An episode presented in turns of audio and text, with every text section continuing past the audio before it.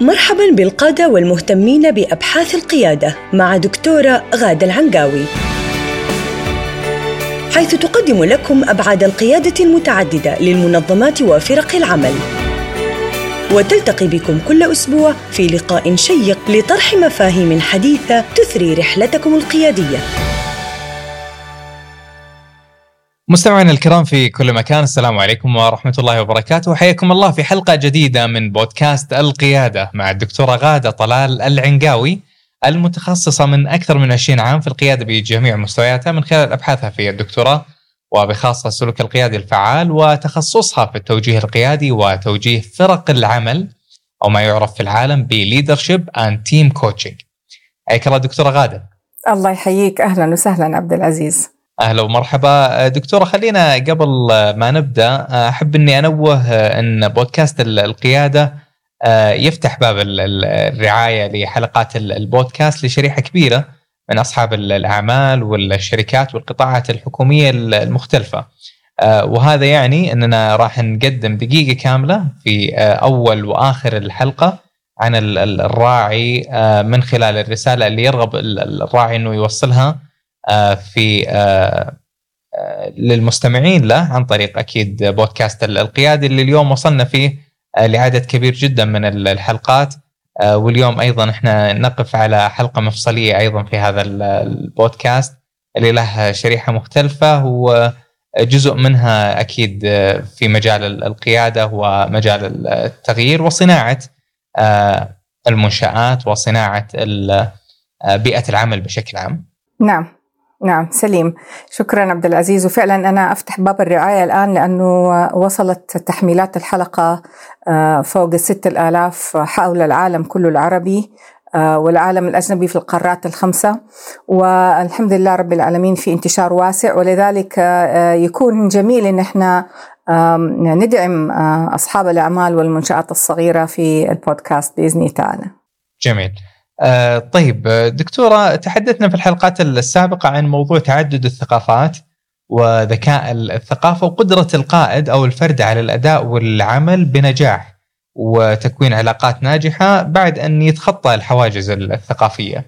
آه اليوم آه إدارة الحوار حاب أنها تكون حول واقعنا الملموس على مستوى العالم العربي وطبيعتنا وطبيعة تعاملنا كعرب أيضا مع الثقافات الأجنبية. نعم فعلا يعني نحتاج نربط دائما بين حين والآخر الحلقات بما يحدث حولنا في الواقع كعادتنا دائما. جميل، طيب خلينا نبدأ كبداية لحلقه اليوم، حاب أسألك سؤال يدور في ذهني من كثير من الأشخاص كيف كبداية تنشأ هذه الفروقات الثقافية والمعرفية بين الثقافات المختلفة؟ نعم طبعا يعني تعدد الثقافات عبر العالم كله هو تاريخ وليس فقط واقع حالي. لابد أن يعني نضع في المعادلة الحضارات القديمة ونضع تتابع وتطور الحضارات وانتشارها من منطقة جغرافية إلى أخرى. ونضع العوامل التي أثرت على انتشار هذه الثقافات وهذه الحضارات. وطبعا يوجد كثير من البرامج ال documentary اللي ممكن المستمع العربي يرجع لها في ال Amazon Prime ولا في Netflix ولا حتى في التلفزيون العادي ويتعلم عن الحضارات القديمة وأثرها في الواقع الحالي لأنه جزء مفتاح كبير جدا لفهم أي ثقافة حالية تاريخ هذه الثقافة. هناك عدد من العوامل التي تؤثر على انتشار ثقافة معينة ووجود فروقات بين الثقافات. من أهم هذه العوامل الديانة. والاعتقاد الديني. والطبيعة الجغرافية للمكان كونه منعزل أو منفتح يسمح له أنه يتصل بالعالم أو لا يتصل. الاقتصاد المحلي والموارد الاقتصادية الخاصة بهذا المكان. السياسة سياسة الحكم ونوعه وطبيعة القيادة في هذه الثقافة. والمعرفة وتدفقها. يعني وصول هذه الثقافة إلى العلوم سواء كانت علوم تطبيقية أو علوم إنسانية أو عدم وصولهم لها بسبب الأسباب اللي ذكرناها. طبيعة الثقافة المحلية نفسها يعني إيش الهيرتج إيش التراث الثقافي اللي تحمله هذه المنطقة؟ الزواج والعلاقات الأسرية كون آه هذه المنطقة أفرادها يتزوجوا من منطقة أخرى أو لا. آه الهجرة من وإلى هذه المنطقة القوة العسكرية. هذه كلها عوامل آه عددنا تقريبا تسعة أو عشرة آه لها علاقة مباشرة بتكوين الثقافة المحلية في مكان ما. ويعني أنا ما بدي كثير أركز على هذه العوامل التاريخية. يهمني في, في, في السياق الحالي إيش اللي بيخلي الفروقات الثقافية متواجدة بين منطقة وأخرى. ولكن اللي الآن حاصل هو أنه كثير من هذه العوامل لعبت دور كبير في تغيير الثقافات المحلية سواء كانت ثقافة عربية أو ثقافة أوروبية أو أفريقية. ولعل أهم منشأ لهذه الفروقات هو الدين صراحة. يعني خلينا نكون واقعيين الديانات والاعتقاد الديني يلعب دور كبير في التأثير في أعلى الهرم هرم التأثير والتغيير على هوية الفرد وهوية الشعب الارتباط والصلة الروحية. ولذلك إذا أردت أن تغير شخص بدل ما تغير سلوكه غير هويته. وينشأ من ذلك تشكيل كامل للقيم والاعتقادات الخاصة بهذا الإنسان. وطبعا المجتمع والثقافة هي عبارة عن مجموعة الأفراد. ولا أدل أن أعظم الحروب التاريخية والمعاصرة قائمة على حتى القوى السياسية قائمة على موضوع الديانة. وطبعا نيجي بعد كده للدور للعامل الثاني المهم اللي هو القوى السياسية نفسها وطبيعة الحكم في المنطقة. والعامل الثالث اللي هو المعارف والعلوم التي المعارف والعلوم التي يستطيع أن يصل إليها هذا المجتمع أو تصل إليه في صياغة الثقافة المحلية. جميل. هذا من وجهة نظري. نعم. جميل. طيب حديث جميل دكتورة خصوصا لما تكلمتي أنه الجانب الديني يمكن هو الجانب الأكثر حساسية مجموعة كبيرة من العوامل تسعة أو عشر عوامل مختلفة ولكن الجانب الديني عادة هو يكون نقطة التماس في الموضوع. نعم. خلينا نسقطها اليوم على الواقع وفي ضوء يعني الكلام اللي تفضلتي فيه في الجواب عن عن السؤال السابق. خلينا شوي نتكلم عن ما حصل من رسومات يعني مسيئة للرموز الدينية. وبخاصة ما حصل في الفترة الأخيرة في فرنسا تحديدا. نعم. كلمينا شوي عن هالجانب من وجهة نظرك. نعم. إيش المنطلق اللي انطلق منه المدافع وإيش المنطلق اللي انطلق منه وجهة النظر الأخرى. نعم. يعني هذا موضوع حساس ويتكرر وليس جديد. يعني موضوع الهجوم على الرموز الدينية من قبل جهات ضد جهات أخرى من قبل ثقافة ضد ثقافة. ليس موضوع يعني حصل فقط في فرنسا قبل أسبوع أو أسبوعين حسب نشر هذه الحلقة. هذا موضوع تكرر في الفترة الأخيرة وهو أيضا له جذوره في تاريخنا القديم يعني تاريخ الإسلام نفسه. فالرسول صلى الله عليه وسلم في محضن الإسلام في مكة المكرمة في مرحلة الدعوة وقبل الهجرة للمدينة تبنت ضده القبائل حركة هجوم حركة هجومية إعلامية شاملة وصل صداها لأنحاء الجزيرة العربية وبين القبائل من خلال الحركة السنوية للحجيج والأسواق الأدبية وسوق عكاظ والخطابة والنشر الشفهي. واتهم صلى الله عليه وسلم بالجنون والسحر والكهانة وأنه شاعر. وكل ما يمكن أن يكون من شأنه أن يخل بقيمة الرجل مثله في ذلك الوقت أو بقيمته كرمز ديني للفئة اللي كانت تتبعه اللي هي فئة المسلمين في بداية الإسلام. ولو كان في إنترنت أو graphic design أو رسامين محترفين لقاموا برسم صورة مشوهة له وضحكوا عليها ومزحوا عليها. يعني أنا مو شايفة إيش الشيء الجديد اللي الآن إحنا بنعمل عليه ضجة في بعد 1440 سنة. في الهجوم. الهجوم هذا يعني جزء من طبيعة البشر. هم يهاجموا بكل الطرق الممكنة لأنه بالنسبة لهم يعني ممكن يكون هو فعلا ممكن نابع عن كره وحقد وممكن يكون مجرد إثارة ضجة وإثارة انتباه. يعني ممكن تكون اللي هي عقدة النقص عند فئة معينة من الناس. ووجدوا مجال انهم ينتشروا ويعملوا لنفسهم دعاية من خلال الهجوم وممكن يكون كره حقيقي مخطط لكن آه، الجديد في الموضوع هو اقتراب الثقافات من بعضها بسبب آه، سرعة التواصل. طيب هل هو حق ثقافي لفئة معينة إن هي تحطم آه، ثقافة فئة أخرى؟ لا ما هو حق ثقافي لكن هو آه، بالنسبة لهذه الثقافة بالذات الثقافة الأنجلو ساكسونية وثقافة جنوب أوروبا وشرق أوروبا وأوروبا والنوردية والجرمانية هذه الثقافات تركز في قيمها. تتذكر لما تكلمنا عن القيم آه، قيم كل ثقافة من سبعة إلى عشر قيم وكيف الناس اختلفوا فيها. وما دخلنا الحقيقة في التفاصيل لأنه مو مجاله آه، موجودة في الأبحاث. من أهم قيم هذه الثقافات اللي موجودة في أوروبا أربع أو خمسة ثقافات التركيز على الفرد وليس على الجماعة مم. يعني بالنسبة لهم الفرد مقدس فكره حريته كلمته شكله الفرد يسبق الفرد يثبت ذاته حتى في نظام التعليم اللي إحنا الآن مستوردينه عندنا في بلادنا قائم على الفردية عرفت كيف؟ ما هو قائم على الجماعية، إحنا ثقافة العرب ثقافة جماعية، يعني نتحرك كمجموعة، نتكلم كمجموعة، حتى لما يتكلم الفرد مننا يراعي مشاعر المجموعة، يتخذ قرار بعد موافقة المجموعة. حساس للإشارات تبعت المجموعة.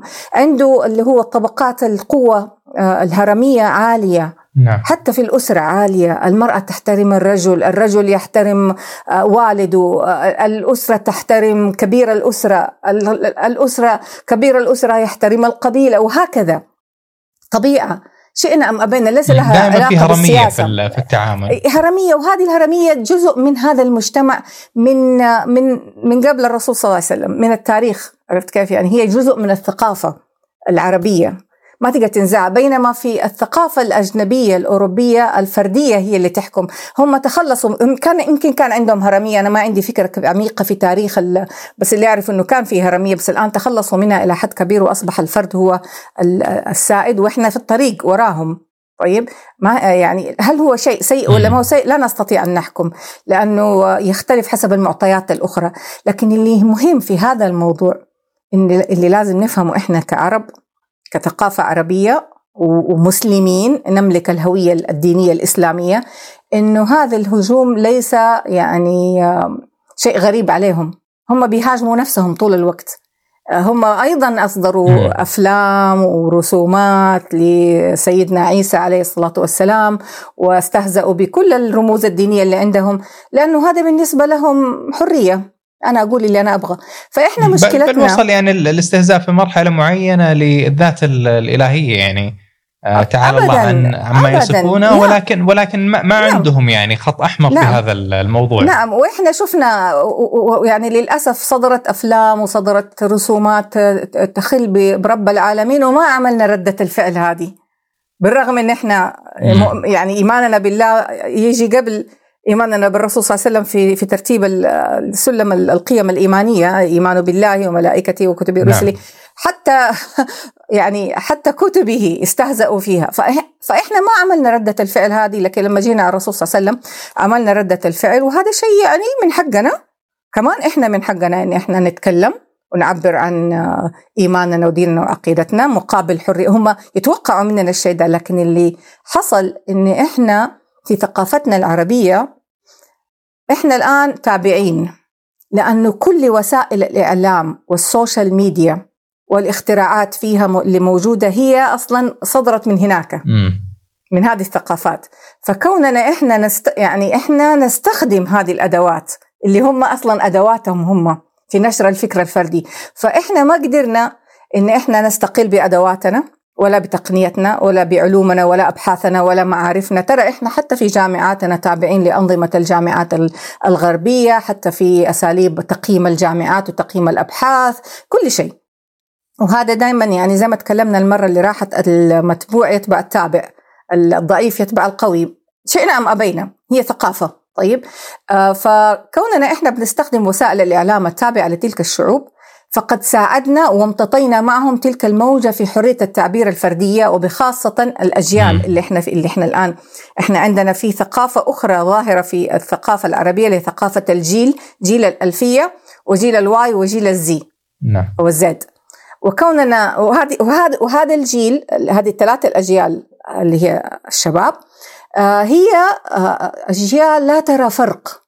في ثقافة العرب مع الثقافة الأجنبية بتتبنى الثقافة الأجنبية بالكامل. وهذا ال transition والتحول اللي حيحصل في ال ال اللي هي ال- العشرات السنوات الجاية هذه ال decades الجاية. آه، شئنا أم أبينا هو حاصل حاصل. فهذا التحول حاصل. فكون هذه الفئة من الشباب تتبنى آه، الرد أو تتبنى النشر أو تتبنى التعليق آه، هنا يدل على تبعية هذه الفئة للثقافة الغربية. حتى لو كانوا معترضين لأنهم استخدموا نفس الأدوات وكانت ردة فعل غير مدروسة. للأسف إحنا نحتاج حتى تصدر ردة فعل قوية آه، ومن حقنا إنه إحنا نتصدر من خلال البحث العلمي بأدواتهم هم.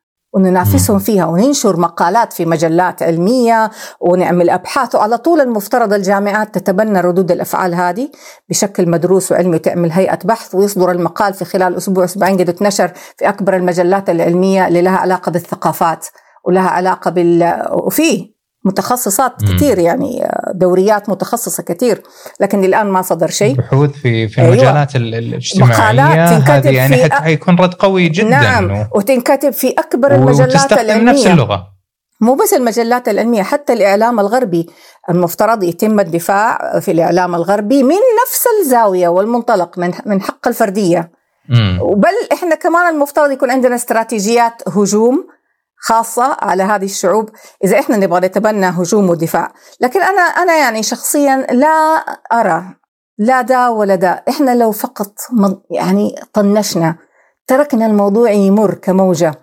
ترى إذا ما سوينا ضجة إعلامية عليه ما حيلاقي صدى هناك أو بالتالي ما حينتشر. صحيح. لأنه هو كله يمكن يكون ناتج عن شاب في ال generation Y ولا Z حب يعمل ضجة عشان يعمل لنفسه آه، يعني انستغرام و followers. و influencer عرفت كيف؟ يشتهر و... أيوه ويشتهر وإحنا ساعدناه وخليناه يشتهر يعني على على استعداد إنهم يعني أيوة. يعملون ال- أسوأ وهو الأمور يمكن أصلا حتى ما يعرف إيش هي. الكنيسة اللي إحنا قاعدين الآن نتهم إنه يعني إحنا ما ندري من فين طلعت كون القوى العليا عندهم والرئاسة تتبنى هذا الفكر هم بيدافعوا فقط عن ثقافتهم حرية الفرد فقط مم. لا أكثر ولا أقل فيعني أنا والله أعلم يعني وهذا رأيي الشخصي ولا أستطيع إنه أنا أتبناه يعني بشكل وأعممه على الجميع لكن أنا أقول إن إحنا لابد أن يكون ردود أفعالنا مدروسة ومحكومة وجماعية من منطلق الجماعة مو من منطلق الفرد. عشان إحنا إحنا أصلا مجتمع جماعي وحتى الشباب اللي عندنا اللي نفسهم على طول يكون في كوميتي لجنة. آه، من من منطل- منطلقة من من من من الفئات الدينية اللي تتبنى لم هذول الشباب ومساعدتهم إنهم يكتبوا لأنه يمكن هم يكتبوا أحسن مننا. هم مت- ثقا- يعني قدرتهم على التعبير باللغات المختلفة عالية جدا. لا ننسى إحنا في حركة ابتعاث. صحيح. فإحنا كل شخص بيعيش يعني إحنا قبل فترة سمعنا في بداية الكورونا إنه في فئة من الدكاترة والأطباء السعوديين في فرنسا قاموا بالعمل في المستشفيات الفرنسية عشان يساعدوا المجتمع الفرنسي. يعني هذا سلاح لما يصير في هجوم ضدنا نستخدم هذا السلاح. هذول موجودين هناك اوريدي وعندهم ثقافة معينة وممكن توظيفهم بحيث إنه حتى لو الإشارة لهم في الحوار يا جماعة إحنا ساعدناكم ترى أنتم حتفقدوا علاقتكم فينا. مو بس فينا إحنا كدولة سعودية إحنا فينا في العالم العربي كله. ترى انتبهوا هذه سياسة. إحنا عندنا قوة. مم. ولا بد نستخدم نقاط القوة اللي عندنا بشكل استراتيجي وقوي. فهذا يعني وجهة نظري في موضوع الإساءات الدينية. ولكن أهم شيء نحن نتجنب الانفعال ونتجنب ردود الأفعال بكلمات وتصرفات و يعني هم على طول بيترجموها وبيضحكوا بينبسطوا عليها. بنعمل ضجة عرفت كيف؟ نعم. جميل. الله يعطيك العافية دكتورة الحديث معك كان ممتع ويعني الحديث في الموضوع ما زال مستمر وهو الموضوع بدأ ولم ينتهي. حاب في نهاية الحلقة أني أشكرك شكر جزيل الدكتوره غادة شكرا لك على هذه الحلقة والشكر موصول لكم أنتم أيضا مستمعين الكرام في كل مكان.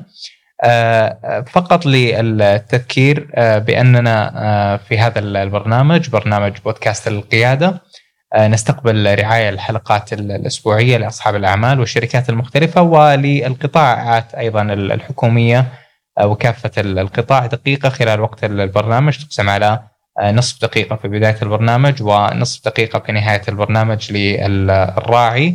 وبإمكان الراعي أن يوصل رسالة التي يرغب بإيصالها من خلال هذا البودكاست ليصل لشريحة كبيرة جدا من المستمعين والمستمعات وبالذات في في مجال القيادة وفي مجال إدارات فرق العمل بشكل عام. بالإمكان التواصل عن طريق الإيميل info at newcharismaticleader.com وهو أيضا الإيميل موجود في الوصف الخاص بهذه الحلقة في الختام تقبلوا أطيب التحايا مني أنا محدثكم عبد العزيز الحجي نلتقيكم في الحلقة القادمة بإذن الله إلى ذلك الحين دمتم في رعاية الله وحفظه وإلى اللقاء. استمعتم للدكتورة غادة العنقاوي تتحدث عن قيادة المنظمات وفرق العمل في بودكاست القيادة. إلى أن نلقاكم مجددا.